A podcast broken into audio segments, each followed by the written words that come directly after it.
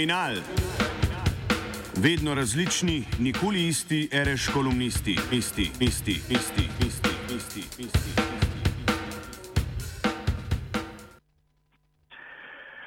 Množici najrazličnejših protestnih besedil, ki se redundantno trudijo dokazati notorično dejstvo, da pri nas ni, nikoli ni bilo niti enega zadovoljnega človeka, so le redka podpisana. Če vzamemo državljanske peticije, ki so nekakšno izredno, a vsekakor znotraj sistemsko apelacijsko sredstvo, jih je velika večina brezimnih, še zlasti dan danes. Nekaj je takih zaradi truda, pobuda za ustvaritev vtisa, da govorijo stvari oziroma situacije same. Avtorstvo ob vsem drugem pač pomeni tudi opozorilo na oseben pogled oziroma na interpretacijo. Tudi veliko več protestnih tekstov je anonimnih iz mnogo manj subtilnih in čisto nič prepričevalnih razlogov. Zato zaželeni učinek praviloma izostane. Pa če tudi so protestni klici neštetokrat ponovljeni.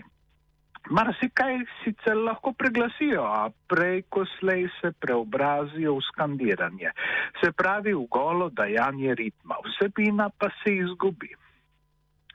Pri grafitih je nepodpisanost razumljiva. Razlog za njo je varnost pri delu. Nepooblaščene posege v javni ali zasebni prostor različni predpisi pač sankcionirajo. Pri tem ne delajo razlike med duhovitimi ali celo umetniškimi intervencijami in drugovrstnimi podvigi.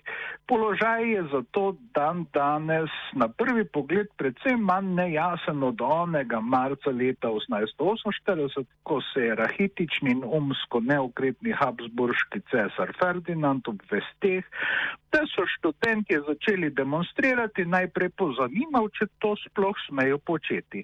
Oblasti sedaj vsaj v Evropi vedo, da je na majestetično vprašanje iz temno sive davnine v naših dneh mogoče in spodobno odgovoriti le z načelnim da. Vendar pa ni nič tako preprosto, kakor se zdi nemisličemu očesu. Mar si kaj v okviru načelnega da je, če parafraziramo duhovito pesem Marka Kravosa, tudi malce ne. Pravzaprav je skoraj da bolj ne, kakor da. A če premislimo kar najbolj natanko, je čisto gotovo ne. Dejansko je celo tačarjanski ne, ne, ne. Vendar pa tudi pri grafitih anonimnost ni zmerom optimalna rešitev. Spomnim se, da je svoj čas pred kakimi 20 leti na vzhodni steni Ljubljanske filozofske fakultete kraljevala avtorska sentenca. Bog je mrtev, niče. Malo kasneje se je pod njo zabliskal odgovor. Niče je znorel, Bog. Dobro še vem, da je sestavljeni napis filozofsko-teološki disput v miniaturi pritegoval občo pozornost. Če se niti toliko in toliko let pozneje ne da reči, ali je šlo za nazorski spopad ali preprosto za duhovitost na temno modri podlagi, pa je mogoče zatrditi, da tu brez podpisa preprosto ne bi šlo. Anonimnost bi uničila poanto. Seveda pa bi bila lahko tudi za koga nevarna. Poklicani varohi reda bi utegnili račun za vnovično barvanje stene poslati na naslov ničevi sedaj že hudo stranskih sorodnikov na eni ter crkvam oziroma verskim skupnostim na drugi strani. A tako dale zastopniki postavite, da niso šli. In potem je, kot je vedel povedati ljudski glas, filozofska fakulteta, ki jo izmenjava misli med ničejem in ljubim Bogom, ni puščala hladne, dala prepleskati po refleksiji kričeči napis. Na vse zadnje je bil kar problematična popotnica za njo. Njeni odločujoči faktori so očitno mislili, ni grafita, ni prodornega protestnega glasu ob ničejevem ustenju, da je bil Bog viden mrtev.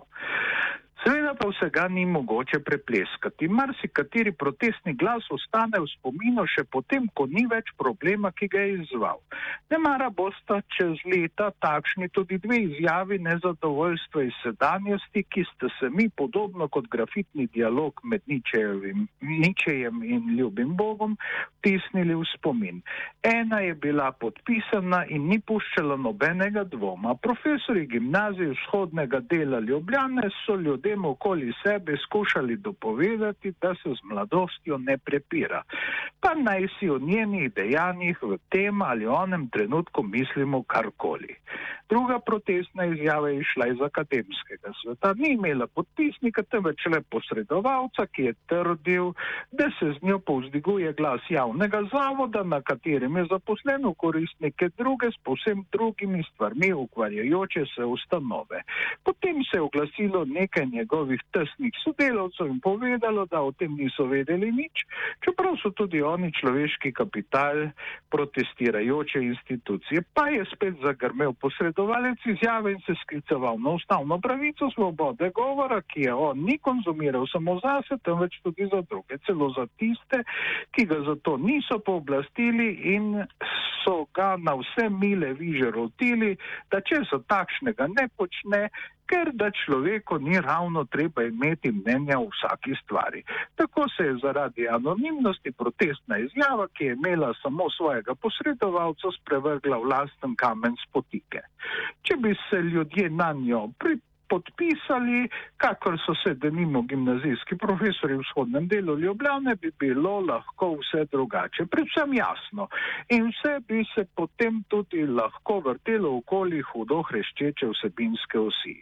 Akademska sfera pri nas živi od anonimnosti, pa neredko tudi v njej. In tu je nejasnost imanentna. V imenskem smislu tajna ocenjevanja javne agencije za raziskovalno dejavnost odločajo o razdeljevanju denarja, od katerega vegetira dobršen del akademske sfere medtem ko njen neznaten vršiček od nje živi v slogu, ki bi se ga ne sramoval niti Petronijev Trimalchion. Očitno birokratski behemot ve, da je strokovnost v temi brezimnosti drugačna, kakor pod žarometi vsakomor očitne osebne odgovornosti. Ne nehne škandalozne odločitve, ki so postale zaščitna znamka javne agencije za raziskovalno dejavnost, to vsekakor potrjuje. Na svoj način pa tudi usoda protest protestov iz akademske sfere, ki se je navadila na najrazličnejše pomračitve. No, roko na srce, saj tudi afirmativne in apologetske besede iz nje nimajo prave teže. In na neki način je problem vse skozi povezan z anonimnostjo. Akademska sfera se vse pogosteje vede tako, kot da bi pripadala grafiterski avtodomni coni. Imena se izdijo nevarna. Pred desetletji, ko se je po arhivih začelo anonimiziranje dokumentov, smo se zgodovinari, ki smo slotili, kam behemo taco moli, šalili, da bo treba po novem zapisati, kako je drugo svetovno vojno začel neki AH. Dan danes je to že zastarel v slovarju pravšnosti presežen vic, saj se na podlagi knjig iz časov polnih imen in nezaščite osebnih podatkov da razbrati, za koga gre. Sedaj se pri govorjenju o sprožitelju druge svetovne vojne in drugih katastrof pričakuje črna črta, zelo debela in tako nepredirna v katerem koli pogledu, kakor je črna barva v znamenitem kvadratu na belem platnu, Kazimirja Maleviča. Da, je, da sedaj ne gre za umetnost in življenje, temveč za njuni vsakdanjostni imitaciji. Terminal je pripravil Igor Gardina.